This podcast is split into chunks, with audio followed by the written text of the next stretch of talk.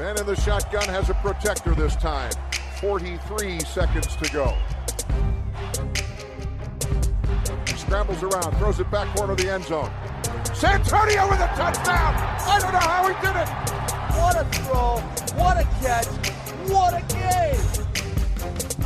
No, Mike 43, call 57. That suffocate him! Make him miserable all game long! Get us the ball back! Could love him or hate him, but he was Brad.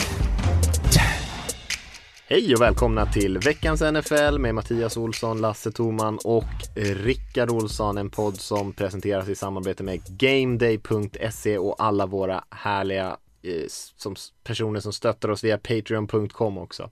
Eh, hur är läget med dig Lasse? Eh, jo men det börjar väl bli bra igen. Eh, det har varit en, en, eh, Mm. en tuff helg. Jag, eh, cowboys och så gillar jag ju Texas i collegefotbollen och båda de hade inget försvar någonstans. Så det, var, det var väldigt liksom påfrestande för mig. Jag sa till er innan att jag fick gå ut och sätta mig i bilen i söndags liksom. För jag hade ingenstans att göra av min ilska förutom just att låsa in mig i min egen bil. Eh, så, eh, men, men ja, jag tjurade mig igenom söndagen och, och måndagen och nu är jag här. Om det, är någon, om det är någon som har liksom hört ett aggressivt tutande norr om Göteborg så vet vi alltså vad det beror på. Ja, precis. Du var inte ute på vägarna och körde liksom i 180 blås ner på någon eh, landsväg eller något sånt där? Nej, nej det var var absolut inte. Eh, Jag, jag satt bara argt, kramade säkert handbromsen i ilska. Jag har inte kollat hur den ser ut än. Men, men ja, det var svårt när man måste få ut sin ilska någonstans. Det är Ändå bra val att välja bilen. Ja, jag håller med. Jag håller med. Hur, hur mår du Rickard? Eh, Jag mår bra. Jag har också en eh, förlusthelg förstås. Men eh, annars, det enda jag har märkt av nu är att man är, nu är liksom försäsongen eh, slut och så behöver man inse så här, det sliter lite på att vara vaken de här söndagnätterna. Jag börjar bli väldigt trött nu i början av veckorna. Eh, så snart, jag måste börja träffa min mid-season form här med att kunna hålla mig pigg. Det kan inte ha något att göra med att ni har lite nyfödd hemma eller det är bara NFL som ställer till det. Ja, jag skulle vilja skylla på en nyfödd faktiskt, men när jag väl har suttit uppe till klockan två på natten då vaknar jag inte vad hon än gör. hur, hur är det med dig Mattias? då? Ja, men det är bra. Jag har eh, tjuvstartat lite på min föräldraledighet den här veckan så eh, ser fram emot eh, många lugna NFL-repriser här på dagarna med med lillgrabben. Men eh, jag håller med Rickard om att det är Jag vet inte, jag har nog aldrig haft en så här svag eh, säsong i den energinivå än så länge. Också lite svårt faktiskt att hålla sig pigg på, på nätterna måste jag säga.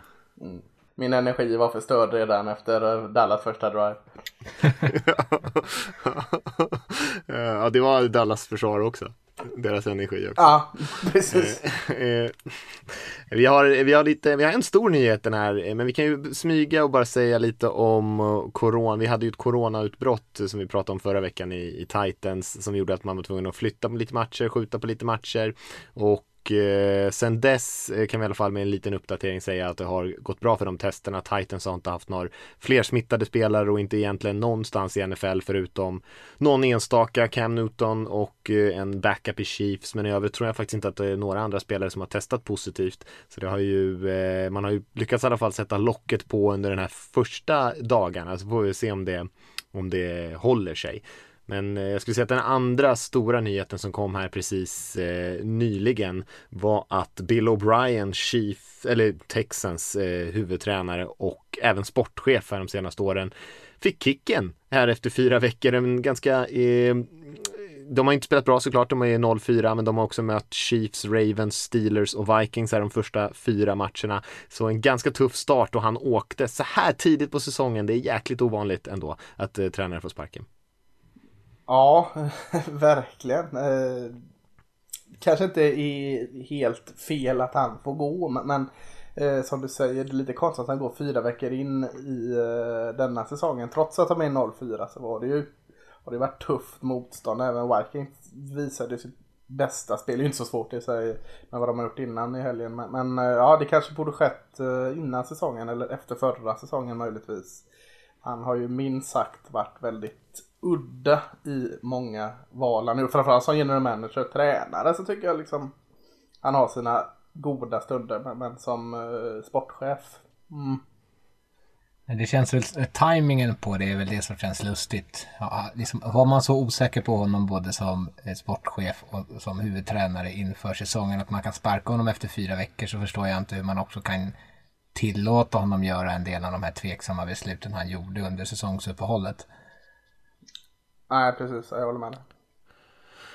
Nej, jag eh, skrev ju till våran lilla redaktion där att jag tyckte att det här var ett attraktivt jobb och fick ganska mycket mothugg där skulle jag säga direkt av, äh, av eh, kompisarna i redaktionen där och, och jag får väl ändå säga att de hade en del starka poänger så jag har väl kanske backat lite. jag tänkte att de har ändå Deshaun Watson här som quarterback i det här laget. Svårt att hitta en eh, duktig ung quarterback och han är ju eh, enligt mig kanske den fjärde eller femte mest intressanta quarterbacken i NFL just nu. Men samtidigt eh, väldigt tufft med ekonomin där och eh, Bill O'Brien har ju som du var inne på där Rickard eh, bytt bort en del av lagets framtida draftval och sånt där så det kanske inte är så jäkla sexigt det här jobbet ändå. Jag vet inte vad ni känner kring det. Nej, alltså, jag tänkte på det också när du skrev det. Eh, jag lutar nog åt andra hållet också. Att det, det är inte, jag skrev, du sa väl att till skillnad från Jets är det ett roligt jobb. Jag, jag, jag, vet inte, Jets är kanske en mer tacksam uppgift att gå in i och få rada om där allt har gått fel så länge. Men, men på det på ditt plus där om man säger så, så har de den kuben, Deshaun Watson som är en stöttepelare och så har de sin unga också duktiga left tackle. Så eh, två viktiga delar i alla fall lyckades jag hitta. Men, men nej, det är så mycket rörigt och man får ju ingenting i nästkommande draft och det är så mycket eh, pengar på spelare hit och dit. Så nej, fy fasiken, det är inte det roligaste. Tittar man på bara QB-positionen så är det väl ändå så här, ja, hade de haft ett val i första och andra runda nästa år och så hade de klivit in i draften och bytt bort dem för att plocka en QB som de tror på. Hade man tyckt att det var ett attraktivt jobb då? Ja, kanske. Liksom om de hade haft chansen att drafta Trevor Lawrence eller något. Eh, och då kan man ändå tänka så här, ja men nu har de ju Anderson Watson. De här draftvalen, som, det hade ju bara varit extra krydda. Tar man Jets så kanske man sitter där och, ja, nu får man inte behålla jobbet i tio år. Men det kan ju ta tio år innan man hittar en QB som man tror på lika mycket som man kanske tror på Sean Watson. Ja, det är ju ja, alltså, Watson är ju värd minst två eller tre val i första rundan skulle jag säga. Men däremot så är ju, som Lasse var inne på där, att det är ju inte truppen i övrigt finns det ju inte så jättemycket spännande spelare. Det var ju också vi pratade om, om inför säsongen att just bredden kanske i den här truppen, återväxten av unga spelare. Eh, så att det kanske tar ändå tid. Det kanske tar tid att bygga upp den här truppen och frågan är vad Watson är då och hur man liksom ligger till om man ens har kvar jobbet om man har tagit det här. Eh, jag tycker att det känns som ett okej okay jobb ändå i slutändan just för att man har Watson där men, eh, men jag har helt klart backat lite från min eh, kanske överdrivna op optimism i början där får ha den överdrivna optimisten. Alltså det, det finns inget rätt och fel här. Eller det finns det säkert men, men vi delar på de felen lika mycket allihopa. Så jag tycker stå på det. Nej, det, nej, det kanske jag ska. Ja. Jag gillar ändå Watson. Ja. Det är ändå my guy. Uh, nej men eh, vi släpper den. Uh, vi får väl se vad som händer där. Det, det, är väl inte så lätt att hitta en ny coach så här utan nu kommer ju Romeo Cronell där uh, hålla i det under tiden och sen så Får vi väl se vad som händer med Texans eh, tränarposition och även om lär, lär de väl behöva anställa en ny sportchef också. Så att det kommer väl bli stora förändringar kan man tänka sig. Eh, ska vi säga några ord? Eh, vi ska faktiskt ha en gäst idag kan man väl säga. Det kanske vi skulle ha sagt från första början. Eh, en, en riktigt spännande gäst tycker vi. Filip Minja från eh, Viasats NFL-studio ska vara med idag och snacka lite med oss. Så det är ju skitkul. Men mm. innan han kommer så ska vi köra lite recap av den här veckan som var. Och eh, vi behöver väl inte sådär gå på varje match men vi kan väl hoppa lite fram och tillbaka mellan några saker som var intressanta tycker jag. Eh, jag tycker en grej var intressant som jag kan börja med för att kicka igång oss lite grann. Eh, jag tänkte på det här med eh, vi hade ju två spelare som fick väldigt mycket cred för sina insatser förra veckan. Det var dels Nick Mullen som spelar för 49ers istället för Garoppolo där, reserven och sen Nick Foles som klev in istället för Mitch Trubisky i Bears. Och båda de två grabbarna hade ju ganska tuffa veckor den här, den här veckan och och eh, båda förlorade ju. 49ers förlorade ju lite oväntat mot Eagles och eh, Bears fick ju ganska rejält med stryk av, av Colts. Så att två spelare som kanske det, vi är ibland väldigt snabba på att eh, och bara liksom lyfta upp spelare till skyarna. Lika snabba som vi är på att liksom trycka ner dem i skiten ibland. Mm. Eh, och här har vi ändå två spelare som vi vet egentligen, de här spelarna är inte jättebra. De kan göra bra matcher som de flesta duktiga quarterbacksen i NFL som är reserver. Men de kommer inte kunna spela bra varje vecka. Eh, och ändå var det så många som verkligen gick igång på det och det pratade om att Mallen kanske till och med var bättre än Garoppolo och Foles, han är tillbaka i den här formen som han har varit i och sen så gör de den här typen av grejer som de har gjort egentligen hela sina karriärer. Mm. Eh, ja, jag tänkte på en annan sån eh, ständigt andra chansen. Brian Hoyer fick ju starta för Patriots mot Chiefs. Och så, det kanske inte är att vi har lyft honom till skyarna men eh, en sån typisk quarterback som får komma in. Ja, men nu, nu får han chansen igen här. Och så ser han eh, allt annat än bra ut. Det var det jag funderade på. Vad är Stidham? Alltså är han skadad eller? Nej, han kom in. Eh, de, de bytte i uh, mitten, eller jag kommer inte ihåg om det var i paus eller om det var någon gång under andra halvlek. Men Stidham kom in och, och såg väl inte ut som världens bästa QB.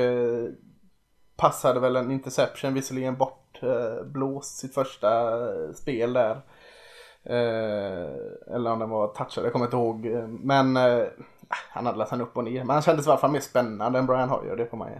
Ja, för det var det jag tänkte. Liksom, de borde gå in på den här, i den här matchen och tänka så här. Ja, det är en ganska liten chans kanske att vi lyckas knipa en vinst här.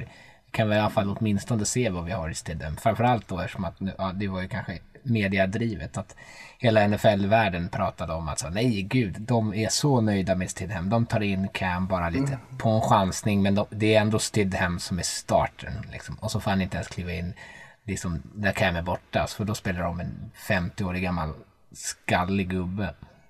Ja, Patriots hade ju, alltså det är den matchen, Patriots Chiefs, eh, en av måndagsmatcherna. Chiefs vann ju till slut. Den ser betydligt enklare ut, 26-10, men eh, alltså Patriots spelade bra, alltså deras försvar var jättebra. Jag tror de hälften av de poängen kom i fjärde för Chiefs och ett par väldigt tveksamma beslut emot Patriots och lite annan oflyt eller slarv att Patriots hade nästan kunnat vinna den här matchen lika väl tycker jag. Jag vet inte, har du sett något av den Mattias? Eh, jag har inte sett matchen i sin helhet men ja. jag såg ju lite highlights från den. Jag såg att eh, Edelman tappade en boll genom händerna som blev en pick six och lite ja. sådana grejer. Så, det var ju en av väl... eh, Stidhams interceptions där, det kan man inte lasta honom för. Nej, inte mycket. Den var ju rätt i, i mellan handflatorna höll jag på att säga.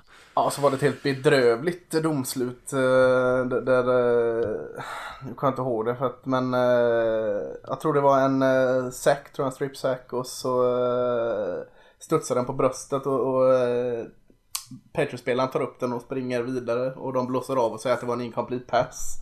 Liksom helt sjukt. Bill Belichick var ju helt rasande. Det var helt sinnessjukt. Så det var mycket, Rimligt arg. mycket stolpe ut för Patriots här. För jag tycker ändå de gjorde en bra, försvarsmässigt väldigt bra match. Mm. Mm.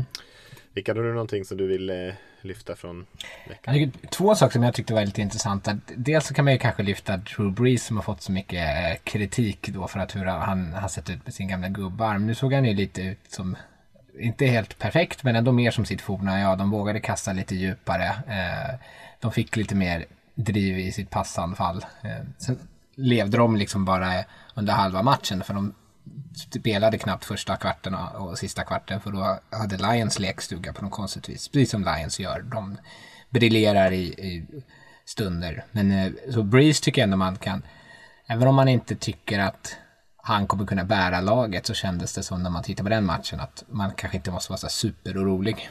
Och så läste då på nfl.com eh, eh, och då hade de skrivit att Breeze om man inte tänker sig honom som en gammal gubbe som bara kommer bli sämre och sämre under säsongen utan tänker honom som en gammal gubbe som behöver en ordentlig uppstart.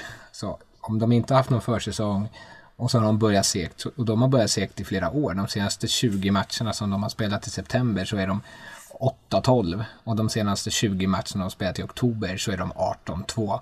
Så det här är väl kanske ett lag som kommer börja trampa igång här snart. Mm, eh, jag såg också mm. att du länkade ut det. Det är ganska intressant. Man kan säga apropå gubbarmar så kan man ju lyfta vad eh, Tam eh, Tampa Bay också gjorde med Tom Brady. De hamnade i ett stort underläge mot uh, unga hingsten Justin Herbert där i Chargers uh, och sen så vände man ju det och vann med 38-31 i slutändan och Brady som gjorde en ganska svag första halvlek passade ju för fem touchdowns i slutändan eh, och spred ut bollarna till alla möjliga receivers. Mike Evans var ju en stor del av den framgången såklart. En, eh, en intressant match där mellan två helt eh, olika quarterbacks får man ändå säga och helt olika generationer dessutom. För Herbert har ju som vi pratade om förra veckan tror jag spelat eh, bra än så länge. Och här eh, gick han ju, tog han ännu ett steg i sin utveckling även fast de inte lyckades vinna den här matchen tycker jag. Och samtidigt som Tom Brady på andra sidan visade att han eh, fortfarande kan spela på en väldigt hög nivå precis som, precis som Breeze gjorde där om, om vi in, ska vara inne på att lyfta och sänka snabbt så tycker jag vi kan eh, uppgradera från Justin Herbert från bra till eh, mycket bra just nu. Jag tycker han är mycket bra. Mm. Han har varit väldigt imponerande, helt klart. En annan som är mycket bra är ju Aaron Rodgers just nu. Eh, jag var tvungen att kolla Packers igen här nu eftersom jag, vi var så hårda mot dem. Och, Eh, han är ju den där kaptenen som han är nu. Alltså att det finns inga receivers. Då uh, hittar han en uh, odraftad uh, tight end som har fått studsa runt och vara med i några practice squad. Robert Tonyan till 3 TD. Så han är ju den där kaptenen som bara sköter deras offensiv nu. Det är så oerhört härligt måste det vara att ha honom i den formen. För att Eh, då liksom flyter det på. Men, men, men jag då som, som, som grät ut och skrek ut min frustration över all form av avsaknad av försvarsspel. Tyckte det var så oerhört härligt att se. Packers har inte alltså det mest imponerande försvaret i NFL. De, de har vissa tendenser så. Men en sak som var så oerhört skön att se var att de satte sina tacklingar. Bara en sån enkel sak. Eh, visst, de kanske missar någon eh, Todd Gurley-tackling. Eh, så, det är det. Men allt som ofta så skötte de bara liksom det de skulle göra. När man, när man greppar som du har varit inne på det att, eh, Mattias, att försvaret den här säsongen har lyst med sin frånvaro. Så bara när man ser liksom, ja, Packers försvar, ja, de gör sina grejer. Bara det kändes så, åh vad skönt att se det. Mm, och samtidigt var man ju väldigt besviken på Falcons där också. Var de, alltså i alla fall deras anfall som ändå mm. har spelat ganska bra hittills den här säsongen. Men inte lyckades få till det alls. Jag tycker man hade massa eh, underliga spel där när, som du sa, Gurley fick kanske kämpa för att komma tillbaka till line of scrimmage mm. ett par gånger. Och eh, samtidigt i Green Bays anfall där man saknade Devontae Adams och ändå klicka så bra med alla de här uh, totala random spelarna som de spelar med ändå. Eh, sen är ju Falcons försvar lite av en katastrof. Jag tänker på Aaron Jones första touchdown till exempel så springer två Falcons försvarare ner i red zone eh, in med, med receiven som spelar slå, springer från slottpositionen och så springer han helt ensam bara ner i redzone. Han har liksom halva målområdet för sig själv eh, på bara en vanlig så här dropback passning och eh, Rogers kan bara flicka dit bollen liksom hur enkelt som helst och samma sak som i de, många av de övriga matcherna tycker jag att passblockeringen är också oerhört bra för Rogers i, de här, i den här matchen precis ja. som tidigare. Så att han har ju väldigt mycket för sig just nu. Det är många andra som, omkring honom som också spelar bra men han är ju han spelar jätte, jättebra. Han är ju väldigt, väldigt träffsäker. Alla bollar sitter på läppen. Eh, han tar bra beslut och, och, gör liksom sina medspelare bättre än kanske än vad de egentligen är. Så att eh, all cred till honom. Ja men han är ju i det flytet och det är ju Aaron Rodgers. Alltså, precis när, man är, när han är i de svackorna som han är ibland också. Så är det eh, lika konstigt som att han är i det flytet. Alltså det är höga toppar och djupa dalar. Och just nu är det bara toppar överallt känns det. Ska vi röra vid mm. den här äh, stora elefanten Lasse, eller? Stora såret. Ja, det stora såret. Peta lite. Jag har lite salt. Ja, Panthers ja. slog Cardinals. ja, just det. Oförglömliga matchen. Ja. Uh, nej, men ditt kära Dallas Cowboys då. Och jag, mm. jag ska inte vara jättetaskig mot dig. Men, men det, det, är ju ändå helt, uh, helt absurt imponerande av Brown som många år har varit kritiserade på sin offensiva linje. Att de går in och så springer de för 307 yards. Eh, och liksom en totalsnitt på 7,7 yards per carry. Eh, och, och det, mycket av det ligger kanske i deras offensiva linje. Utan Chubb. Utan, ja, Chubb spelade, han hade sex carries. Eh, och sen skadade han sig. Och han är väl borta för resten av året? Nej, eller? nej? det var inte så farligt tror jag inte. Det var inte det? Eh, nej. nej, jag för mig att han tillbaka. kommer tillbaka. Ja, det var väl tur det. Men, ja. eh, och då har de, sprider de ändå ut bollen. Då blir den här eh, The Ernest Johnson in. Eh, och Kareem Hunt delar. Odell Beckham Jr har två stora spel. Eh, så de är ju supereffektiva. Sen ligger det kanske en del i då tyvärr att Dallas eh, dels inte har talangen och dels bara så fullständigt omotiverade ut. Eh, Ja, eh, jag vill inte ta bort någonting. Jätte, Odell Beckham Jr. är en jättebra match såklart. Och, eh, jag ska inte ta bort någon från Browns. De, de gjorde en bra match säkert, antar jag. Eh, men men Cowboys eh, försvar. Eh, minnet är ju kort när man säger så här världen, eller sämsta försvaret jag någonsin har sett. Men jag kan fasiken inte komma på att jag har sett något sämre. För det finns inte en tendens till någonting som skulle vara liksom, ja men vrider och vänder på det så, så, så där ser du ju. Nej, det finns ingenting sånt. Eh, jag vill inte dyka för djupt i det här. Jag har gått ifrån ilskan ännu så det är inga problem. Men, men eh, man såg liksom alla såg att det var springspel. När då faller båda safetiesarna bak och är helt övertygade om att det är pass. Liksom, spelare springer ihop. Spelare springer, tar en vinkel som att eh, de springer mot line of scrimmage när eh, han som springer med bollen är redan förbi. Alltså det är sådana... Jag, fattar inte hur man, kan, eh, hur man kan spela så dåligt försvarsspel. Det är inte så att de blir svårt slagna på ett svårt sätt utan det är så fundamentalt dåligt. Alltså det, många skriver så här att high school-lag skulle kunna gå in och gjort det bättre. Ja, kanske inte så jäkla mycket sämre i varje fall. Eh, Kevin Nolan är ju en dinosaurie, defensiva koordinatorn här och som har fått eh, jobbet av sin gamla polare Mike McCarthy. Eh, ska lastas såklart, men, men fasken, spelarna ska också lastas. Alltså, eh, det är Marcus Lawrence och eh, allt vad det heter som ändå liksom Jalen Smith och de här spelarna som ändå har lite hype kring sitt namn. Totalt värdelösa. Jag, jag har, kan inte minnas ett sämre försvar i alla fall. Nej, det var länge sedan och poängmässigt så är man ju där uppe. Det blev ju 49-38 i slutet av den här matchen. Cowboys hjälpte ju kanske inte sitt försvar med att ha lite turnovers och lite andra slarv. Men, eh, men annars, ja, jag tycker det som är så här storyn för den här matchen, för det här är ju samma Cowboys-lag som vi har sett de andra veckorna om man ska vara ärlig. Ja, det här är nästa, det här är Eh, sämre kanske, alltså. kanske lite, ja, det är ex, lite extremare, Det men det är ju samma håll. typ av spel. ja. Men Browns är väl kanske storyn i den här matchen tycker jag, och framförallt kanske hur deras offensiv, för det är ju inte första laget som Browns springer bra mot, de har ju inte sprungit så här bra, men ändå spelat bra. Sprung, springspelet har funkat, offensiva linjerna spelar väldigt bra. Så att en, en väldigt, det är ju vi är bara fyra matcher in här, men än så länge ser det ut som att de här investeringarna Browns har gjort på sin offensiva linje har varit en succé än så länge, både i draften och i free agency. Eh, för den spelar ju mycket bättre än vad den gjorde förra året i alla fall. Mm. Ehm, hmm. Ja, man kan nämna den här matchen, Cardinals-Panthers-matchen tycker jag. Eh, jag har faktiskt inte sett den än, men där är väl också ett sånt där lag som, eh, ja, många, många blev, eh, gillade vad de såg från Cardinals de första två matcherna och sen har man spelat två ganska kassa matcher här och torskat och är nu 2-2. Man torskar mot Panthers här med 31-21. Panthers som är kanske är lite bättre än vad vi trodde och har vunnit två matcher här nu utan Christian McCaffrey.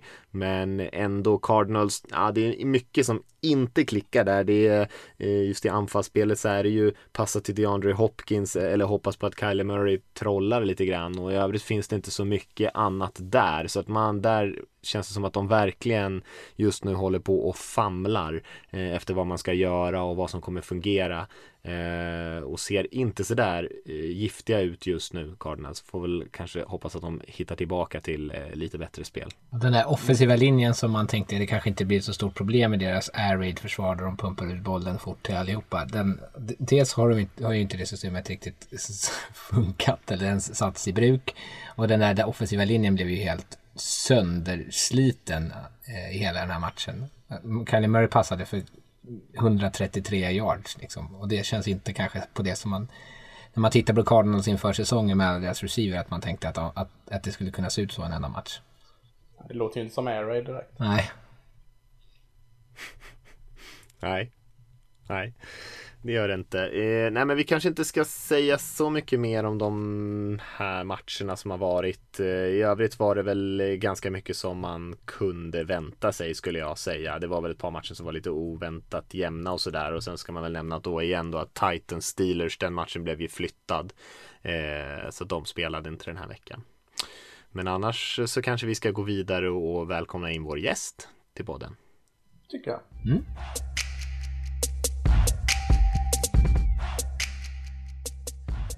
Ja, då är vi tillbaka och som vi sa, vi har en gäst idag, Filip Minja från eh, Viasat och Viaplay från NFL-studion där. Välkommen Filip! Tackar, tackar. Kul att vara med. Ja, men grymt att ha dig här. kan, du inte, kan du inte ge oss en liten, en liten kort bakgrund av, dig själv, av dig själv? De flesta har nog sett dig kanske på tv, men eh, du har ju en ganska lång spelarkarriär bakom dig också. Ja, eh, började spela amerikansk fotboll när jag var någonstans där 16 i gymnasiet och då var jag för Tyresö. Eh, och eh, den resan gick rätt fort med landslag och det ena och andra ganska omgående. Och snabbt därpå så insåg jag att det här var det roligaste jag någonsin har gjort och det här vill jag nog göra resten av livet. Eh, och vid det tillfället så avskydde jag skolan. Jag hade lovat mig själv att aldrig plugga vidare. Eh, men vill man göra det här på en hög nivå så innebär det universitetsstudier i USA. Eh, så det var bara att bryta det löftet och ge sig in i böckerna igen. Eh, och så flyttade jag till USA 2007 efter att jag hade spelat ett par EM och ett VM med landslaget för Sverige. Eh, och sen var det en collegekarriär där jag startade som true freshman. Spelade alla fyra åren och var den första internationella idrottaren att någonsin göra det och ta ett diplom på det universitetet. Så det var riktigt, riktigt bra, rolig och givande resa. och sen stannade jag kvar och jobbade en stund i USA. Sen blev det tillbaka till Europa och spela klubbspel och landslag och några fler EM och sådär. Eh, så det, jag har hållit på ungefär 16 år med amerikansk fotboll.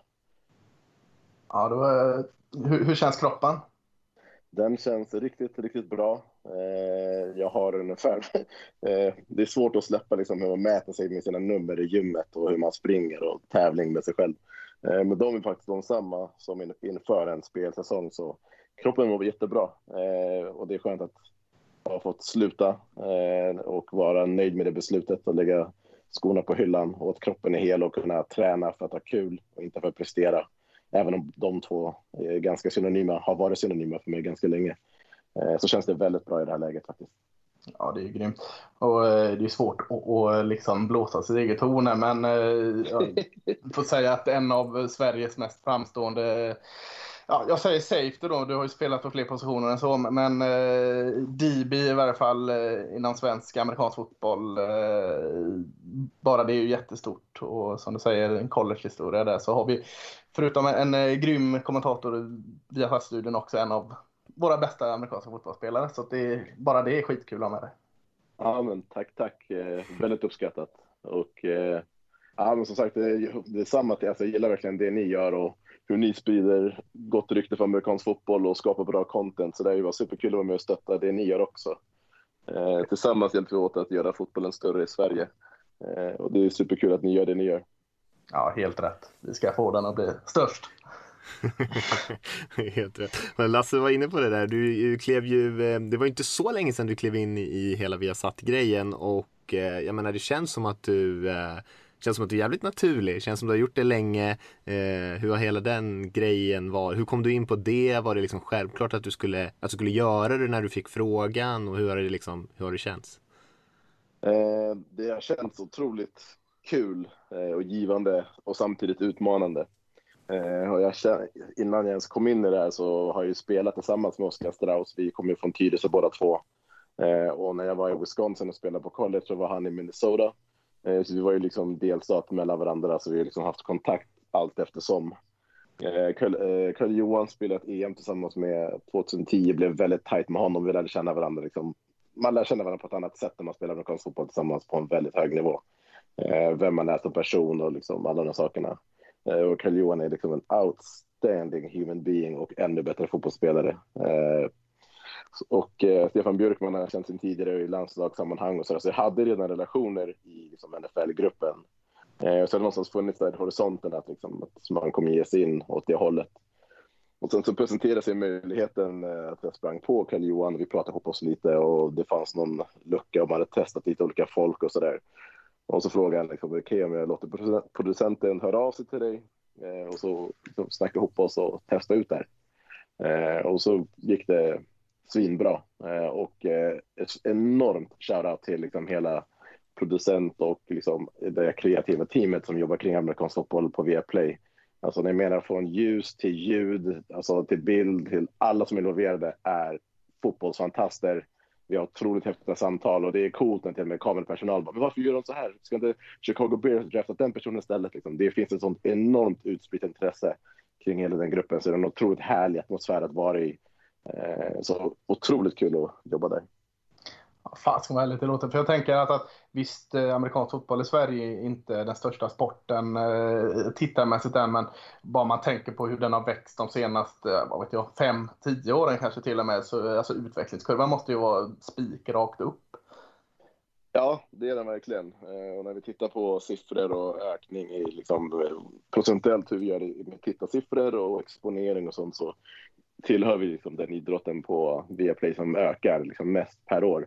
Nu har vi börjat på en ganska alltså, eh, blygsam siffra till att börja med med tittarsiffror, men sen har vi liksom ökat väldigt, väldigt, väldigt eh, markant varje år och eh, gör bättre än flera andra stora sporter som man inte förväntade sig att vi skulle gå om, eh, vilket är väldigt kul och det är ju verkligen lite mer, alltså att vi får vara kreativa i studion, eh, produktionssidan som jag sa har blivit eller har alltid varit, men liksom verkligen blivit utvecklat hur vi gör med våra inslag och försöker knyta ihop liksom amerikanska fotbollssverige och göra inslag kring våra framtida college-spelare och liksom börja bredda hur vi jobbar kring amerikansk fotboll, vilket har gjort ett, ett enormt lyft och att vi får in fler tittare även här i Sverige på det sättet att för tidigare har NFL Sverige varit en grupp och amerikanska fotbolls Sverige superserie landslag varit en annan grupp och det har inte varit mycket mm. utbyte mellan de två. Eh, så det är liksom blivit lite av en mission att försöka bygga broar mellan dem och visa liksom från den ena sidan till den andra och föra dem samman och skapa en ännu större synergieffekt. Ja, det låter jäkligt vettigt tycker jag. jag. Jag har säkert eh, sagt det här 111 gånger i den här podcasten genom åren, men när man växte upp här med, eh, jag kommer hette det NFL Touchdown eller vad det hette på eh, TV3 där med Pia Gulli och Theo Blanco. Alltså när de hade det här veckoprogrammet, jag tror de hade det på söndagar det var bara en timmes highlights mer eller mindre. Men, men eh, alltså det känns ju som eh, så mycket större nu och det är så roligt att höra när du säger att liksom, tittarsiffrorna ökar. För att någonstans önskar man att fan, kan de inte få en timme till då? Kan de inte få en timme till innan avspark liksom? Och, och köra lite highlights från förra, prata om eh, vad vet jag liksom. Det finns så mycket att prata om. Eh, det finns nästan oändligt att prata om. Så att det verkar i alla fall som att det är ingen omöjlighet i framtiden om det fortsätter växa att kanske få en studietimme till. Liksom. Ja, men precis. Ja, men absolut. Eh, och som du säger, det finns otroligt mycket att prata om när det kommer till amerikansk fotboll. Eh, Magnus Dahlbom pratar ofta om eh, de där gamla goda TV3-tiderna och slips och fluga och allt det var på den tiden. Mm. Och sen så har vi ju, nu när det var corona så fick vi också möjligheten i och med att det var, alltså alla andra idrottsligor som Viaplay sände var helt nere. Och då kunde vi också göra ett inslag kring draften och liksom lite kring det där och när vi hade det nyhetsmagasinet. Eh, och att det gick så pass bra att man ska börja titta på att förlänga vårt kalenderhjul, liksom att man även har under off-season lite program och inslag och eh, bredda årshjulet. För det vore riktigt, riktigt kul och liksom dyka lite mer in i draften, alla college-prospekten, prata om svenskarna kring allt det där också. Eh, så det finns som du säger otroligt mycket att prata om. Ja, Ja, det är intressant det du säger. Jag håller, jag håller med om mycket av det du säger där. Alltså när vi drog igång här på NFL Supporter för, det var väl ett, ett gäng år sedan nu, då kändes det som att det var en ganska stort avstånd mellan liksom amerikanska fotbollen i Sverige och eh, NFL-fansen liksom i Sverige. Eh, och det gänget liksom. Och sen har ju vi haft med ganska mycket folk från amerikanska fotbollsvärlden här i Sverige i den här podden och, och, pratat med och sånt där. Men det kändes som att när ni drog igång och det gänget kom in i studion så blev det en helt annan, som att alla liksom är, eh, pratar på samma, pratar samma språk nu höll jag på att säga. Liksom, och det känns som ett, ett bättre, mer intressant liksom, eh, litet NFL-universum vi har här nu i Sverige. Ja, ja, men det tycker jag verkligen att det är. Eh, och liksom omfånget att börja tänka och titta bredare som du säger och knyta till sig alla de här bitarna. Men även liksom när vi tar in Jordan Heath, eh, Glenmark som är på Notre Dame, att han är med i studion. Eh, Gustav Rydstedt är med och pratar om liksom hans tid på Stanford och liksom hur han känner Richard Sherman och lite sådana saker. Att mm. Vi gör ju väldigt bra saker som svenskar och att verkligen kunna lyfta de sakerna, hur duktiga vi är på att tävla, liksom, både liksom akademiskt men också på fotbollsplanen och hur vi är som liksom, helhetsprodukt i USA. Att vi är faktiskt väldigt eh, högt värderade eh, där borta dessutom. Eh, också riktigt, riktigt kul att få belysa att vi är väldigt duktiga på amerikansk fotboll, att vi verkligen kan det här. Det är också otroligt spännande. Jag håller med. Håller med. Eh, om vi ska hoppa in lite på, eh, för vi tänkte att vi skulle nu när vi ändå har en, eh, som Lasse var inne på där, en jävligt duktig spelare, en duktig DB, en duktig safety, att vi skulle prata lite om den delen av spelet med dig lite grann Filip, bara för att, eh, ja, nu när vi har chansen liksom. Och eh, safety-positionen var väl det som vi tänkte att vi skulle börja grotta lite grann i. Kan du inte prata lite om vad, vad, vad, liksom, vad, vad tycker du är viktigast hos en safety? Vad finns det för olika typer av ansvar och roller? Lite sådär brett kring positionen. Vad, vad, liksom, vad är det du tycker är roligast med att spela positionen? Eh, lite sådär. Ja, jag spelade väl safety större delen av karriären och det var det jag gjorde i landslag och på college. Sen när jag var lite yngre så fick man ju dubbla sådär, men safety är nog absolut den roligaste positionen jag har spelat. Eh, och dels för att det kräver så mycket av dig. Eh, du ska kunna springa med de snabbaste och du ska kunna tackla de största. Eh, och det kräver liksom att du är eh, atletisk, men liksom du behöver ett psyke. Eh, för, för att tackla de största är inte alltid kul och du kommer med en hel del hastighet och det är de också. Eh, och då är det lägst person vinner och det är, liksom, det är en inställning eh, till den positionen som kräver mycket av dig. Eh, och det är nog eh, tycker är roligast, oavsett om man spelar strong safety eller free safety, vilket egentligen betyder om det är på den springstarka sidan där anfallet har flest spelare så att säga. Då ska du ha en mer av linebacker hybrid variant var det förr i tiden. Idag ska du ha snabba, långa spel oavsett. Men det jag tycker är roligast med att spela safety är nog den mentala delen och hur du tävlar mot quarterbacken. Att, att gömma ditt coverage, att försöka visa något annat, att lura quarterbacken att tro att det är cover 3 men det är cover 1 eh, låtsas att visa någon blitz någonstans och sen så droppar man till något annat så quarterbacken går rakt i fällan och kastar interception. Eller ser att vi roterar för sent och så tvekar quarterbacken så lyckas våran defensive end kombinera säk. Eh, de sakerna är, gillar jag nog mest för det blir lite av en tävling mellan quarterbacken, mig själv och den officiella koordinatorn som tror att de vet vad vi kommer göra och försöker liksom slå oss och verkligen planerat för det. Men att veta vad de försöker göra, visa något annat och liksom den där alltså schackmatchen Eh, uppskattar jag något enormt. Mm, det är en fantastisk scen där i den här, jag vet inte om det, är, om det är dokumentären om Brady eller dokumentären om Belichick när de sitter och dis diskuterar Eh, Ed Reed och liksom Belichick och Tom Brady har liksom ett eget möte för att diskutera eh, Ravens eh, gamla safety Ed Reed där som var liksom en riktig bollhök och hur de liksom ska hantera honom eh, var liksom det enda som var liksom ämnet för det mötet eh, säger lite om liksom, vilken respekt de hade för den typen av spelare som verkligen kan eh, förstöra en hel matchplan. Liksom. Men absolut, och det är verkligen en sån position som påverkar matchen så pass mycket. Eh, och du måste också vara riktigt duktig på att kommunicera med dina spelare. Och som safety har du också ett stort ansvar liksom, att göra olika checks baserat på formationer, down and distance, tendenser som du vet att anfallet gör vid olika typer av motions. Och då behöver du också veta vad dina linebackers har för ansvar, vad dina corners har för ansvar och vad den defensiva linjen gör. Så du behöver egentligen kunna hela försvaret. Så du är liksom en förlängd arm av din defensiva koordinator. Och sen ska du liksom utifrån det göra massa beslut på några sekunder och få det att se ut som något annat. Eh, och då har man väldigt, om man är riktigt smart och så kapabel, otroligt mycket utrymme för att göra stora spel. Det är då man ser dem här som du säger, Ed Reed, eh, Bob Sanders, Troy Palomalo, Sean Taylor, Rest in Peace bland annat. Eh, folk som verkligen påverkar matcher, sätter skräck i motståndarna, men också strategiskt är så pass smarta att de är på rätt plats, fixar interceptions eh, och bara sabbar gameplans för anfall. Det är otroligt härligt. Men är, är det en liten, för att jag tänker det, om man eh, såg Troy Palomalo till exempel då när han var, så var det ju lätt att se när han liksom tajmade snappen direkt och bara flög över den offensiva linjen. Det kunde alla se liksom, wow. Men, men är det kanske en liten underskattad position? För det är ju som tv-tittare det är ganska svårt. Liksom, att det är mycket lättare att kolla på en quarterback eller på eh, en wide receiver eller något. Liksom, för att bollen följer. Men, men kameran är ju inte alltid liksom inzoomad på safety. Så att, eh, jag får, får känslan att den är lite underskattad för att den är lite svårare för eh, generella tv-tittare liksom, att hålla koll på allt det du säger förutom just den här attackera line of scrimmage. Eh, kan det ligga något i att, att, eh, den är svårtolkad liksom, och blir då lite underskattad till och med? Absolut, eh, det tror jag absolut att det är. Och det finns en gammal liknelse som är lite rolig. Det är att eh, offensiva linjen och safeties har ungefär samma uppskattningsvärde. Du märker det bara när det går dåligt. Mm. Så. Mm. Eh, släpper de igenom en säk, du bara ah, vad dåligt. Gör de ett bra jobb, ja, men då pratar de som att de har gjort sitt jobb. Liksom. Eh, men absolut att de syns inte i bild och sen är det, jag tror också att det är som du säger, det är svårtolkat att förstå om, man, om de gör rätt eller om de försöker visa något annat. Och det är mer för de som är kanske lite fotbollsvana som förstår, okej, okay, nu är det egentligen cover 4, de säljer cover 3, de kommer rulla sent och de gör det här, liksom, eller han försöker ta bort det här. Eh, så det är absolut en svårare position att förstå och uppskatta.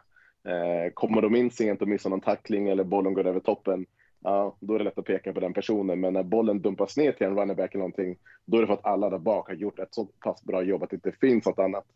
Eh, och det kräver ju att man poängterar det, belyser det ganska mycket för att vanliga fans ska förstå att just det, de gjorde ett riktigt bra jobb. Mm. Och sen som du säger, det Troy Polamalu gör med att hoppa över linjen, det där är så svårt. Och det kräver sån kunskap att liksom, utöver att förstå vad hela försvaret gör, att du som safety ska hålla koll på vilka passmottagare som är inne, formation, down and distance. Om du ändå trots det hinner lyssna på den offensiva linjen och quarterbacken, plocka upp en snap count när du rör dig runt linjen hela tiden och kunna tänka på det också. Och sen tajma ett hopp, för du måste ha koll på när de drar bollen och hur quarterbacken har en snap count, det vill säga när de säger set hat. Går de på ett eller går de på två, hur de har tänkt sig. Och det där kan du plocka upp under en match. Men som safety, att ens hinna tänka och lyssna på det och göra ditt andra ansvar, det är helt fantastiskt. Det är ett sånt stort spel. Mm. Och hans hår hjälpte till. Alltså, det var ju så, alltså, som fantastisk bild. Liksom. Alltså, det är oerhört vackert när en tajmad liksom, över uh, Lennon Scrimmage oavsett. Men just när han, tror jag, Palomalo kom med sin lejonman där flygande över. Liksom. Det är, det är alltså, bra nära liksom, poesi och konst ihop just de. Uh, hel, helhetsbilden. När han började göra schampo-reklam så kändes det som det mest ja, givna någonsin. Nej, men de dockorna var absolut speciella och jag tror att han också är lite underskattad. Eh, alltså han gör ju stora spel och han är, men att han var så atletisk. Och det pratar eh, Ryan Clark om väldigt mycket som spelman i Pittsburgh. Och Ryan Clark spelade också med Sean Taylor tidigt i hans karriär. Och det gör ofta många jämförelser mellan de två spelarna. Liksom. Och, men Troy Palomalo får inte alltid den uppmärksamheten eller uppskattningen för att han är så pass snabb och så pass stark som han faktiskt är. Men eh, jag tror Palomalo absolut en topp fem safety genom tiderna för mig. Mm. Vi, vi får väldigt mycket frågor faktiskt och du droppade ju lite olika coverages och sånt där. där. Vi får väldigt mycket frågor om så här, taktiska delar i spelet. Jag tror folk som inte har spelat själva, det är jäkligt svårt att fatta de grejerna. Vi, vi har säkert fått frågan om 3-4 och 4-3 försvar sju gånger eller någonting i den här podden. Och vi brukar försöka ta några sådana här temaavsnitt ibland och diskutera lite taktiska grejer. Men kan du inte beskriva lite om vad du pratar om när du pratar om eh, cover 2, cover 3, cover 4, den typen av grejer? Ja, eh, för att göra det lätt för att känna igen dem och då är det egentligen, man kan dela upp dem i två kategorier. Eh, cover 2 och cover 4 ser ganska likadana ut. Det betyder att du har två djupa, alltså safety till defensiva backar. Det är som två djupa vanliga fotbollsbackar ungefär. När de står så, då vet man att alltså, då betyder det att alltså, har vi två djupa zoner eller så blir det fyra djupa zoner där de yttre defensiva backarna som kallas för corners har den yttersta fjärdedelen och safeties har de inre fjärdedelarna. Så cover 2 och cover 4 ser ganska likadant ut. Eh, Medan cover 1 och cover 3 ser också otroligt likadant ut. För du har bara en djup defensiv back i mitten och sen har du de yttre defensiva backarna som antingen har man eller hjälper till med de djupa zonerna. Och det är egentligen det lättaste sättet att försöka tolka vad ett försvar gör. Eh, cover 2 och cover 4 och cover 3 är zonförsvar. Det betyder att man har ansvarsområden, alltså ytor som du ansvarar för. Eh, Medan cover 1 är ett manförsvar och ettan står, då för, står för hur många djupa hjälpspelare har i ditt eh, zonförsvar, eller ditt bakre försvar. Eh, då har du safetyn som är djupt i mitten och de andra spelar man. Så då vet de att jag behöver, det är okej okay att den här spelaren springer förbi mig. Jag kan vara aggressiv därför jag har hjälp över toppen. Eh, det kan du inte kanske tänka på om du har cover 0, vilket betyder att du inte har någon djup hjälp överhuvudtaget. Blir du bränd i cover 0, ja, då är det, då är det touchdown. Mm. Hur är det, det där du pratade om schackmatchen, för quarterbacks försöker ju hela tiden då, eller anfall rättare sagt kanske, eh, försöka klura ut vilket coverage försvaret ligger i och du sa att man kanske disguisar en del grejer. Kan du inte prata lite om den? Vad, vad försöker quarterbacksen göra? Vad, vad gör du när du försöker eh, liksom maskera vad du egentligen är i innan liksom bollen, är, bollen är snappad och spelet är igång? Liksom? Eh och då försöker den enklaste saken, vilket inte alls är enkelt, det är rätt svårt, men när man har spelat så pass länge så blir det lite lätt som missförstå mig rätt. Det är att du vill antingen försöka sälja zon, men du spelar man, så du vill oftast göra alltså, det motsatta. Eh, för det skapar ett överraskningsmoment när spelet utvecklar sig. För då förflyttar sig försvararna på ett sätt som anfallet inte har förväntat sig. Så säg att vi har kallat cover 2 och vi har något basförsvar. Så jag två djupa hjälpspelare och de, under, alltså de främre försvararna har de grunda zonerna med överlämningsansvar. Det vill säga att kommer någon in i din zon, har du den personen, springer den vidare så släpper du den till en kompis utanför dig eller bakom dig. Eh, så har vi cover 2 så kanske vi visar cover 1 istället. Eh, så de tror att det är bara en djupförsvarare och vi har man överallt.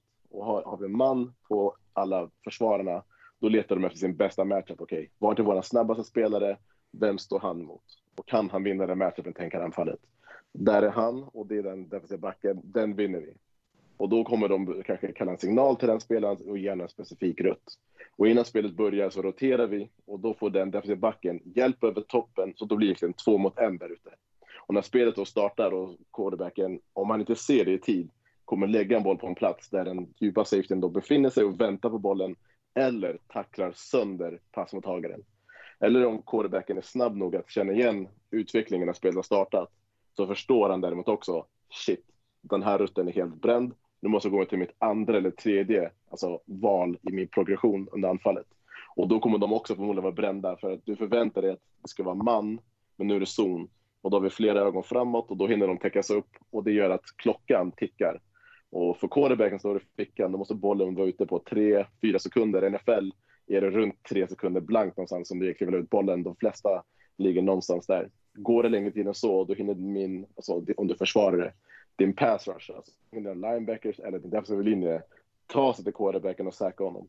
Så du kan ju påverka spelet på det sättet och skapa stress, eh, orsaka misstag eh, och överraska anfallet på det sättet. Och det är otroligt kul.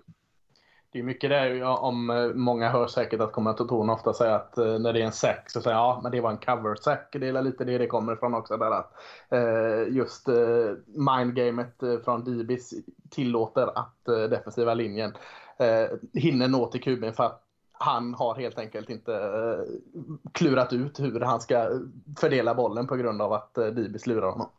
Precis, och det finns liksom inga öppna ytor, ut, ytor någonstans på planen. Och i NFL blir det liksom ännu svårare och tydligare. Eh, för där, när man spelar kanske i Europa och på college-nivå, så kastar du inte alltid till platser. Alltså, och så förväntar du att en passmottagare ska vara där. Det gör det i NFL. College och Europa så springer folk rutter och någonstans i deras passmottagningsrutt, när de bryter eh, efter ett visst avstånd de har sprungit, då ska bollen vara på väg och möta den personen dit den är på väg. Eh, utifrån hur personen springer. Medan NFL så är det, du kastar till fasta platser, så läser anfallet att det är ett cover 3. Då vet de, okej, okay, den sårbara zonen är i curlfläten. Vi lurar bort linebacken till exempel och curlfläten är ungefär 7-8 yards nedanför fältet eh, ovanför slottet. Nu blir det jättemycket avancerat språk. det är väl bra, det är kul. Man märker, man märker det själv. Jag målar upp en curlflätt här nu bara för det, är då, det här är dåligt med ljudmedia, det är här vi skulle ha haft liksom tv.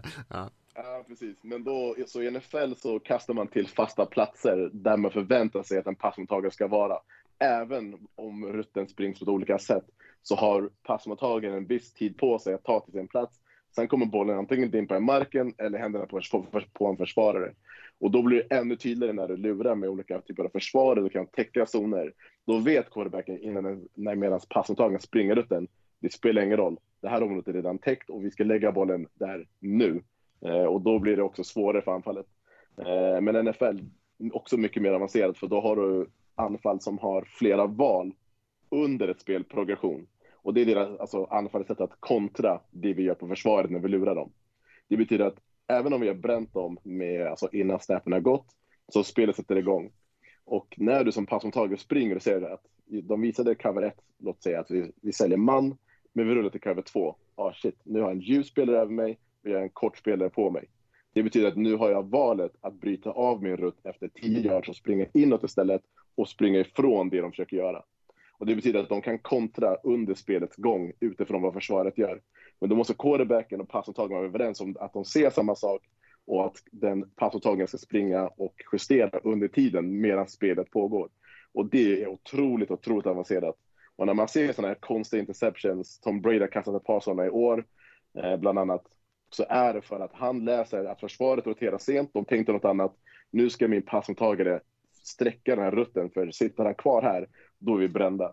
Så lägger man den till en plats som de har läst, men passmottagaren på samma sida, så blir det interception. Så många av de här konstiga bollarna som tänker, va? De här killarna får ju betala hundratals miljoner och de kan inte ens kasta en ordentlig boll. Men då är det för att de har läst någonting olika, eh, passmottagaren och quarterbacken, och förväntat sig att försvaret ska röra sig. Så det är superavancerat när det kommer till NFL. Det är intressant Ja, att det är du tar upp Tom Brady när du pratar om just option routes, för det är ju så otroligt Patriot-aktigt att liksom ha massa options inbyggda i sitt system. Eh, och när han har spelat med så här receivers och tight ends som han är van vid, att det är liksom hela deras anfall bygger på det. Det är som gör dem så svårstoppade.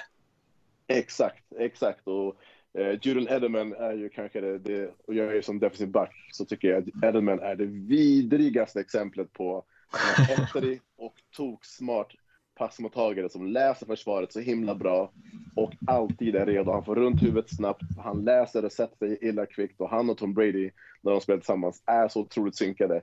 Och det är, som, det är så irriterande, för när man tittar på matcher som fan så kanske man inte förstår, hur kan de inte stoppa den här korta spelaren? De vet att bollen kommer dit. Men det kvittar för väljer försvaret att ta bort en zon, då ser Edmund det och då springer åt höger. Tar de bort den zonen, då springer åt vänster eller sätter sig emellan. Och Tom Brady litar så mycket på honom och de är så, som du säger så inkörda här. Så de kan egentligen slå alla typer av försvar utifrån att de är så pass överens att om de gör det här, då gör vi så. Gör de det här, gör de så, gör de det här, så gör vi så. Och så övar de på det hela veckan, hela veckan, så det blir instinktivt och bara reaktivt. Och så kommer det ut på match och så får Edelman 10-12 bollar på en match och ingen kan stoppa killen. Det är så frustrerande att se som defensiv back. Alltså. Men det är sjuka, som du säger, det sjuka är att de gör det liksom live medan de springer i full fart så justerar de eh, samtidigt i sina olika huvuden eh, vad de ser och vad de ska göra och det är ju såklart, eh, det krävs ju enormt mycket träning och enormt mycket också förtroende mellan receiver och quarterback innan man liksom får till det och ibland när man ser så här, unga quarterbacks som man tänker, alltså hur kan den här spelaren vara eh, USAs bästa unga quarterback? Eh, han ser ut som liksom en förvirrad kyckling där ute, men det är kanske inte så konstigt för det kan vara liksom ganska mycket i huvudet. Och försvaret blåser, man har, man liksom bestämt pre-snap vilka reads man ska ha. Och, och sen så är det, ser man något helt annat. Och man har ingen aning och man ska försöka improvisera eh, och det blir totalt kaos. Och då kanske man kan ibland ha lite mer förståelse för att några av de här unga quarterbacksen, det tar några år innan det lossnar för dem. Absolut, och som du säger, vi kan även titta på folk som har varit i ligan ganska länge och titta inte längre bort än New England Patriots backup Brian, äh, eh, Brian Hoyer som startade istället för Cam Newton helgen som såg, eh, han såg inte så bra ut och gjorde också sådana dumma misstag och kastade bort boll. Och även de som varit i ligan längre har fortfarande svårt med att få till det där. Det är otroligt krävande. Och utöver att kunna liksom, det vi pratar om med passmottagarna och vara överens om i den delen av anfallet, så är det också ett springspel som quarterbacken ansvarar väldigt mycket för att kunna justera för utifrån vad försvaret gör också. Vi har en defensiv linje när vi pratar om de här fronterna, 3-4 eller 4-3. 4-3 innebär att du har fyra defensiva linjespelare framför din offensiva linje. 3-4 betyder att du har tre defensiva linjespelare som har handen i marken och så är det fyra linebackers bakom. Beroende på vilken front det är så vill du kalla springspelet åt olika håll eller till olika styrkor. Och det har man också övat in för att sätta sin running back och sin offensiva linje i bästa möjliga situation för att lyckas med springspelet. Så måste man kunna räkna ut hur många spelare de kan, vi kan blocka, hur många spelare har de som kommer att attackera oss och hur går den matten ihop och hur kan vi justera? Så quarterbacken behöver ha koll på det där. Den behöver också ha koll på allting passmottagardelen och checka fram och tillbaka mellan de här två. Det är otroligt mycket att ha koll på samtidigt som de pratar i ditt öra medan de försöker tänka. Eh, ja, det är en hel del att ta in. Alltså, det är en enorm, enorm tröskel att ta sig över och det är därför NFL är ett sånt nålsöga och liksom att vara framgångsrik quarterback i NFL är otroligt svårt och det är hög ruljans på quarterback. Mm. Nej, det, det är galet egentligen. Eh, men eh, ska vi hoppa tillbaka till safeties lite grann? Eh, och vi bad ju dig fundera lite på om du har några favoritspelare på positionen som du kunde lyfta lite grann för oss. Har du hunnit göra det? Ja, eh, absolut. Eh, en spelare som inspirerade mig och som jag såg upp till mycket när jag var yngre och spelade är absolut Sean Taylor. Eh, och han gick ju bort rätt tidigt när han precis liksom vände blad i ligan. Han har alltid varit en otroligt duktig spelare. Men han fick precis en dotter Eh, och hade den livsförändrande stunden att liksom kunna lägga av med lite dåliga vanor, dåligt sällskap och bli ännu bättre fotbollsspelare, en ännu bättre ledare i omklädningsrummet. Eh, och liksom satte ihop alla delarna kring att vara en framgångsrik fotbollsspelare i NFL. Och han dominerade, alltså han la ut folk. Alltså hans highlights på Youtube är fortfarande något av det sjukaste som finns när det kommer till att titta på hur safety spelar spelet och hur livrädda passmottagare är för honom. Duktig på, alltså, där vi pratar om att eh, mindgamet, att kunna lura anfallet men också att kunna komma ner för fältet och ha ihjäl folk som springer med bollen. Eh, så hans spelstil och liksom, hans sätt att bära sig eh, en spelare som jag liksom har väldigt, väldigt högt upp på den listan. Eh, gillar han starkt. Sen är det nog, han vi pratade om tidigare, liksom Ed Reed och Tom Brady och, Brian, och Bill Belichick pratade om honom. Eh, det är en spelare som har liksom förstört quarterbacks karriärer i NFL så länge han har spelat. Eh, otroligt smart och någon som man verkligen studerar för att lära sig om tendenser. När det handlar om att till exempel lura quarterbacken genom att gömma det bakom domaren så att quarterbacken inte ens ser att det är någon där. Utan den quarterbacken tror att här är det öppet. Och när spelet börjar så hoppar du fram och så är det där du tar en interception. Alltså han gjorde sådana konstiga saker. Det är så smart och medveten. Han använde alla möjliga redskap som finns på planen för att lura anfallet. Och sen är han livsfarlig när han får tag i bollen. Eh, otrolig returner, eh, spännande atlet eh, och hade också stora punt returns också. Eh, så han gillade, gillade enormt. Och kul att han fick vinna en ring med Baltimore innan han gick i pension. Synd att det var Jets och Texans därefter, men eh, det kan vi kasta lite under mattan tror jag. Ja, nu är han tillbaka på sidlinjen där för uh, Miami i collegen också uh, och hjälper till lite. Så han kunde inte släppa det riktigt. Nej, och en grym coach vill man hoppas och tro att han kan bli i och med att han är så himla pass smart. Eh, och jag vet vad man har hört och ser och när man tittar på dokumentärer kring honom eh, Eh, att han är väldigt duktig på att lära ut också, få de yngre att bli bättre. För de har ju haft en sån tradition i Baltimore att de defensiva backarna alltid har ett antal spelare som är on point. Eh, och det har mycket med hans ledarskap att göra och tränaren också såklart, men att han kan göra folk runt om sig eh, bättre. Eh, och den här listan av saves som jag gillar, det finns en gemensam nämnare, det är att de flesta har nummer 21. eh, för sen gillar jag en kille som inte fick så mycket kärlek, han var defensiva spelare för alltså, Defensive Player of the Year en gång och det är Bob Sanders som spelade för Indianapolis Colts. Eh, undersized, han måste varit 1,80 eller kortare. Eh, men det var ju bara muskler. Alltså ut genom öronen, det var något av det sjukaste. Eh, och han hade också ihjäl folk. Otroligt fysiskt i sitt spel. Eh, otroligt häftigt ledarskap. Eh, hade också det att kunna liksom springa med de snabbaste och påverka passningsspelet. Men just den här fysiska närvaron och att kunna straffa passmottagare som kommer över mitten eller tackla runnerbacksen på ett sätt att de flyger bakåt. Eh, det är något, man, alltså något jag verkligen uppskattar och respekterar hos defensiva backar. Otroligt alltså, duktig spelare. Han ser ju verkligen inte ut som det man tänker sig när man tänker sig en DB och så ser man en bild på Bob Sanders. Uh, uh, ja, jag tyckte att han var jäkligt kul faktiskt. Eller kul, det kanske inte är rätt ord, men kul att kolla på. Ja men absolut, otroligt häftigt att kolla på. Också en sån här highlight som är värd att kolla om man inte vet vem det är. Eh, för han levererar, som, som man kan säga i USA, pound for pound kanske den alltså, hårdaste tacklaren safetyn som någonsin har spelat i NFL. Eh, Ronnie Lott och andra historiska folk som liksom bröt face mask och sånt var ju mycket större och vägde mycket mer, men den här killen är verkligen liten men gjorde enorma, enorma spel. Och sen pratar vi också om Troy Palamalo, eh, just hans kunskap, hans atletiska förmåga och just de här spelen, de här ikoniska spelen, han hoppar över offensiva linjen och tacklar quarterbacks och tajmar de här sakerna. Eh, otrolig, otrolig spelare och det är också häftigt att få höra från Ryan Clark bland annat som spelade med honom när de berättar om hur pass smart han är, saker han ser, hur han studerar tendenser, eh, men också hur mycket han frilansade. Ja, det, och det vill inte tränarna veta egentligen. Men... Nej, jag tänkte säga det. Det kan måste vara en mardröm för en defensiv koordinator att höra. Ja, ja, men det är också så här, till slut förtjänar man ju ett förtroende av sin koordinator. Den här killen vet vad han gör. Men jag Clark berättade, vi två spelar tillsammans och helt plötsligt kan Troy Palomar säga bara Yo, yo, RC. Han bara, vad är det? I'm gonna blitz. Han bara, yo, but it's cover two. Han bara, I know, but they're coming this way. Som Blitz bara, no you can't. Och så gör han det i alla fall. Och så har han helt rätt och tajmar det och har rejält spel och ser ut som värsta superstjärnan. Och det är nog så här, hur visste han det här och bara ta det beslutet och bryta normen på det sättet. Eh, det är riktigt, riktigt coolt alltså. Det respekterar jag verkligen.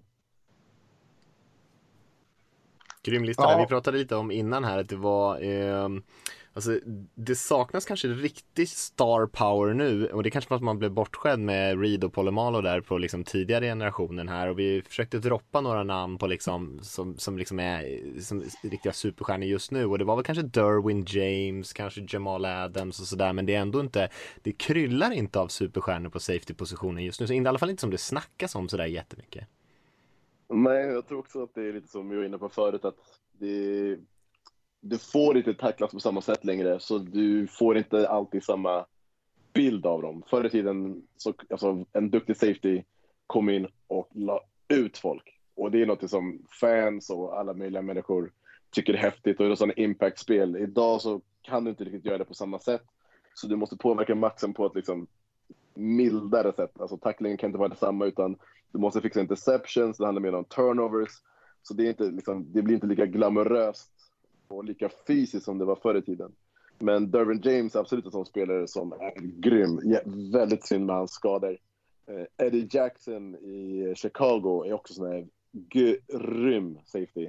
Han har väl, eller hur många interceptions för touchdown han hade sitt första år, men det är också sån här spelare som lång, bra range, eh, tacklar stenhårt, men liksom tar sig till bollen och när han väl får bollen i händerna, liksom hela vägen för touchdown. Eh, Ständigt underskattad också, Eddie Jackson. Jag fortfarande att han valdes lågt i draften. Det var ingen som respekterade. Fortfarande pratas det väldigt lite om Eddie Jackson tycker jag. Ja, jag håller med. Eh, och han har kommit med på topp 100-listan och liksom börjat få lite kärlek. Eh, och sen så har jag kollat på några sådana NFL-produktioner. De bryter ner hans spel och de intervjuar honom. Och det är en toksmart spelare som ser liksom, formationer och det märks att han har liksom, lärt sig ganska väl på sitt college och har goda instinkter. Eh, och det behöver man ha med sig. Liksom. Det är de sakerna som en safety måste ha som du inte riktigt kan coacha. Du kan coacha tendenser och formationer och varför checka som vi gör, men att instinktivt kunna reagera utifrån det som händer framför dig eh, och när det går så pass fort i NFL är väldigt, väldigt svårt att träna upp. Och det, det är sån här, either you got it or you don't. Liksom. Mm. Eh, jag tror du, du har haft en liten, liten flört med, med stackars Jets-supportrar på sociala medier här. försökt hjälpa, dem, hjälpa dem att komma upp på benen igen. Jag tänker sånt som eh, eh, stackars Marcus May som är en av få som är kvar i Jets där safety. Är inte han också lite underskattad? Men nu tappar de Jamal Ad eller, eh, Adams där till eh, Seahawks. Men han de har kvar, Marcus May, är väl också en av här upcoming eh, relativt bra safety va? Absolut, och det är svårt med så förlorande lag för statistiken blir inte alltid rättvis då heller. Eh, som safety så kommer du göra mycket tacklingar om de i det främre försvaret inte gör sitt jobb. Och då kommer du ha liksom ganska hög statistik i tacklingar, du kommer dyka upp på olika platser och ha statistiskt en bra säsong. Men beror det på att du gör spel eller beror det på att du måste rädda allt de andra inte lyckas göra? Men i och med att du ändå räddar upp så visar du ändå på liksom kapacitet och att du klarar av ditt jobb. Eh, men för att han tror jag ska få en rättvis bild och liksom den kärlek han faktiskt förtjänar så tror jag att liksom hela försvaret kommer behöva spela lite bättre och att mm. han då sticker ut på ett sätt som man borde göra som safety. Att då kommer han nog få liksom respekten i ligan. Men när man är sånt där lag som liksom... Ah, det är svårt att sätta ord på hur dåliga de är. Men då är det tufft att få kärlek. Folk tittar inte och lägger inte liksom, ger inte folk den respekten då. Det är, det är tufft det som händer. New York. Eh, lika tufft var det i Houston, men nu, nu fick ju huvudtränaren där sparken till slut. Och, eh, nu får vi se vad som händer där, men Jets, det är nog inte långt kvar innan de byter tränare heller tror jag. Nej, eh, vi har väl en stående bett i redaktionen här eh, hur många matcher eh, Adam Gay ska få vara kvar innan han får sparken. ja, det är galet för Sam Darnold spelar faktiskt ändå helt okej okay fotboll och liksom ger dem en chans att visa liksom någon form av liksom, hjärta. Mm. Det är otroligt att Adam Gaze får ha liksom, ryktet som något anfallsgeni då hela hans karriär bygger på någon framgångsrik säsong med Peyton Manning när han var duktig. Eh, och att sen få rida den vågen genom olika typer av huvud, huvud, huvudtränarjobb och koordinatorsjobb där han konstant har underpresterat och otrolig förmåga att liksom kunna ta in en av NFLs bästa running backs Livian Bell och få honom att se average ut. När man är liksom ett offensivt geni. Det är helt, helt, helt galet. Ja, han måste vara jäkligt bra på att sälja sig själv på anställningsintervjuerna. Alltså. Jävligt tajta powerpoints. Ja, ja men... verkligen, verkligen. Ja, eh, grymt. Eh, jag tänkte eh, att vi skulle kanske ta och runda av med och kolla lite på vecka fem tillsammans. Det är ändå en del matcher som kommer och vi behöver väl inte göra något så här jättedjupdyk men vi kan väl gå varvet runt kanske och lyfta någon match från den här veckan och så kan vi väl kanske tippa dem tillsammans också. Eh, tippa en vinnare i varje av de här fyra matcherna som vi lyfter upp då. Så eh, är det någon som känner sig manad att börja? Rickard, har du någon match som du skulle kunna lyfta från veckan som kommer? här? Alltså, jag tycker det ska bli kul att se eh, Cleveland Browns nu efter att de, nu spöade de Dallas eh, och känner sig nog lite så här härligt kaxiga, lite självsäkra. Och så är det liksom den precis motsatta sidan av spektrumet. De möter ett Dallas som har tillåtit 36,5 poäng per match och nu går de mot ett Colts som har släppt 14 poäng per match där deras kicker gör fler poäng än vad motståndarens anfall gör. Så det är helt motsatt värld och jag tror att det ska bli ganska kul att se den matchen hur Browns reagerar när de kommer stöta på lite motstånd i sitt springspel eh, och ett Colts som kanske inte så här eh, ser övertygande ut offensivt men ändå gör det de behöver för att vinna matcher. Så det tycker jag eh, är en av de bästa matcherna hela veckan. Ja, får vi lyfta det. grymma försvar eh, som inte har funkat försvar i allmänhet i NFL i år så är ju Colts ett av de som kan stå upp lite trots eh, kanske inte det starkaste motståndet offensivt hittills. Eh, men den är kul. Jag tänkte slaget, eh, Pennsylvania-slaget där med nu ett glödhett Philadelphia Eagles när de lyckades snubbla till sig en vinst mot 49ers eh, mot eh, ett smygande bra Steelers. Kan, kan tänka mig att den kan bli relativt rolig. Eh, Eh, Carson ser ju inte alls bra ut trots vinsten senast. Eh, och inte mycket talar väl för att de ska kunna slå Steelers här. Eh, Steelers som ändå försvarsmässigt hade förväntat mig lite mer just i deras secondary med Minka Fitzpatrick och Hayden och allt vad de har där. Men, men deras pass rush och deras press på QB mot just Eagles offensiva linje som är så skadedrabbad och hål i och en vänds ur fas. Eh, det kanske kan spåra ut tidigt där, men ändå en sån klassisk anrik match, stilet mot Eagles. Eh, känns lite spännande att se på ändå. Mm, Filip, har du någon som du kikat lite på? Jag gillar båda eh, valen som ni nämnde, verkligen. Eh, jag tänker eh, Seahawks, Vikings, eh, Eh, där båda lagen inte har något vidare försvarsspel just nu, men jag tror att det här kommer vara en match där det kommer vara otroligt mycket poäng och red zone-uppdateringar på söndag. Eh, och det kommer bli en bra shootout. Russell Wilson spelar ju sån här vidrigt bra fotboll. Och att han inte fick några MVP-votes var det förra året eh, är lite pinsamt, men han spelar så bra nu. DK Metcalf är ju, han har blivit läskig han har äntligen hajat att han kan göra vad han vill i NFL. Alltså han kan springa med de snabbaste, han kan trycka undan den största försvararen. Alltså det är läskigt när en sån stor spelare med sån kapacitet hajar sin fulla potential. Och när gröna lampan tänds, han förstår spelsystemet, han och Russell Wilson är mer synkade. Så den ser jag verkligen fram emot. Ja, så jag har ju fortfarande den bilden på Diken Metcalf där inför draften när han stod där och uh, i bar överkropp. Jäklar uh, jobbigt som safety att gå upp och möta han i full fart. Ja, den är tuff. Den är tuff. Där är det viktigt att liksom ligga över toppen tidigt, visa quarterbacken att här är dubbel coverage, gå någon annanstans. Det finns en idé att kasta hit bollen. Eh, det är den strategin man får rulla med då. vad har du Mattias och, och Selenas? Du får inte prata mer om ditt Seahawks sen och jag är fortfarande bitter efter förlusten. Förlåt, mm. förlåt, jag ska inte göra det. Eh, eh, jag tycker det finns väl en stor match kvar egentligen. Det är väl Bills Titans som, som känns intressant. Eh, ändå två lag som eh, vunnit mycket matcher, ser jäkligt eh, starka ut. Titans har ju spelat kanske lite jämnare och lite, lite har hållit på att torska några matcher medan Bills eh, har ju sett fullständigt klockrena ut för det mesta. Och se, det ska bli intressant att se om Josh Allen kan hålla upp den här nivån. Jag tror att eh, Eh, många var skeptiska, jag var en av dem, till att han skulle kunna ta den här, de här stegen och han har gjort det i år. Eh, han spelar på en väldigt, väldigt hög nivå. Eh, får se om han kan hålla, han behöver inte spela riktigt så här bra tror jag för att Bills ska bli farliga. Eh, får se om han kan hålla den nivån hela den här eh, säsongen ut. Eh, men övrigt, annars är det mycket runt honom som funkar bra, både med springspel och offensiva linjen och Diggs har ju landat klockrent där.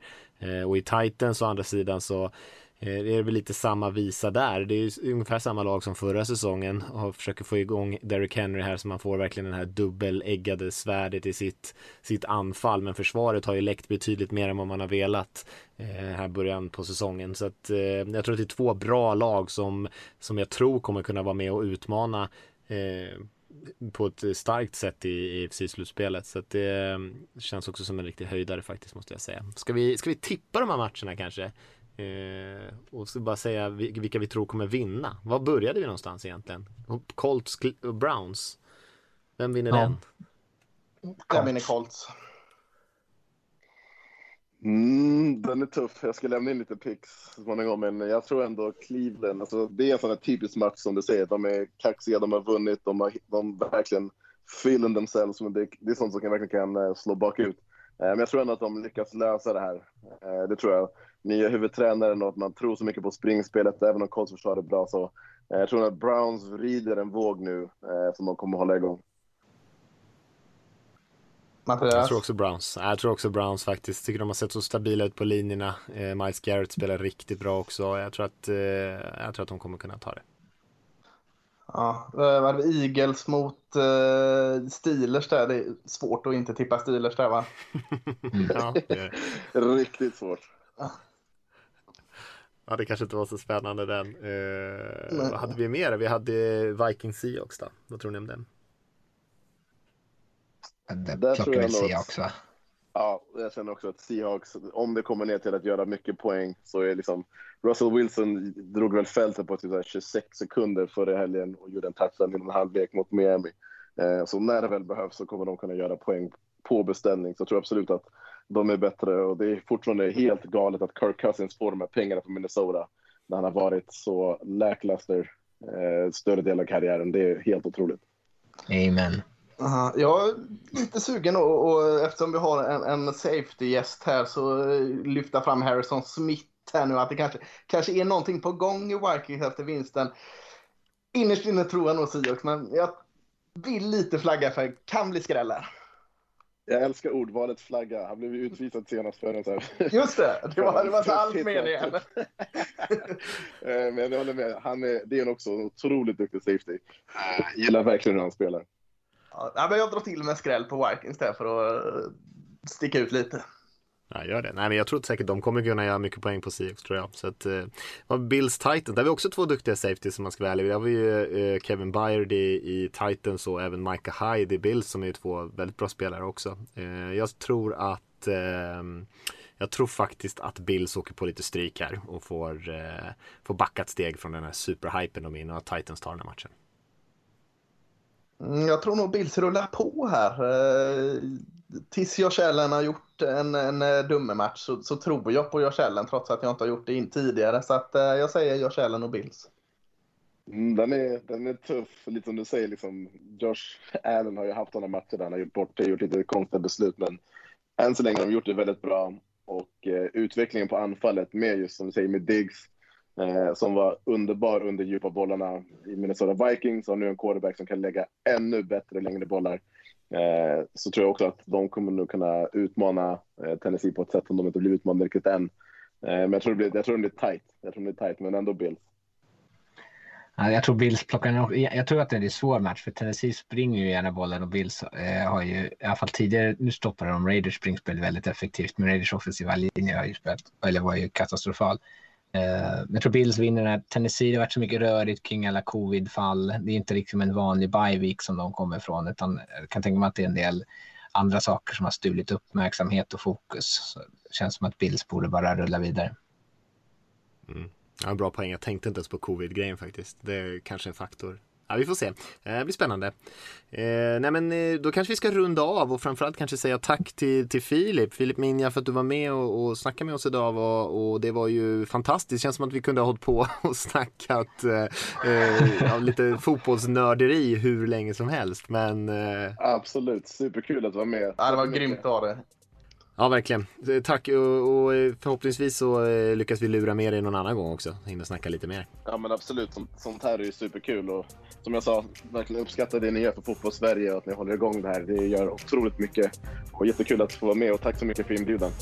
Ja, och den studsar ju såklart tillbaka till dig och dina kollegor. Du får hälsa dem och klappa dem på axeln att de gör ett grymt jobb.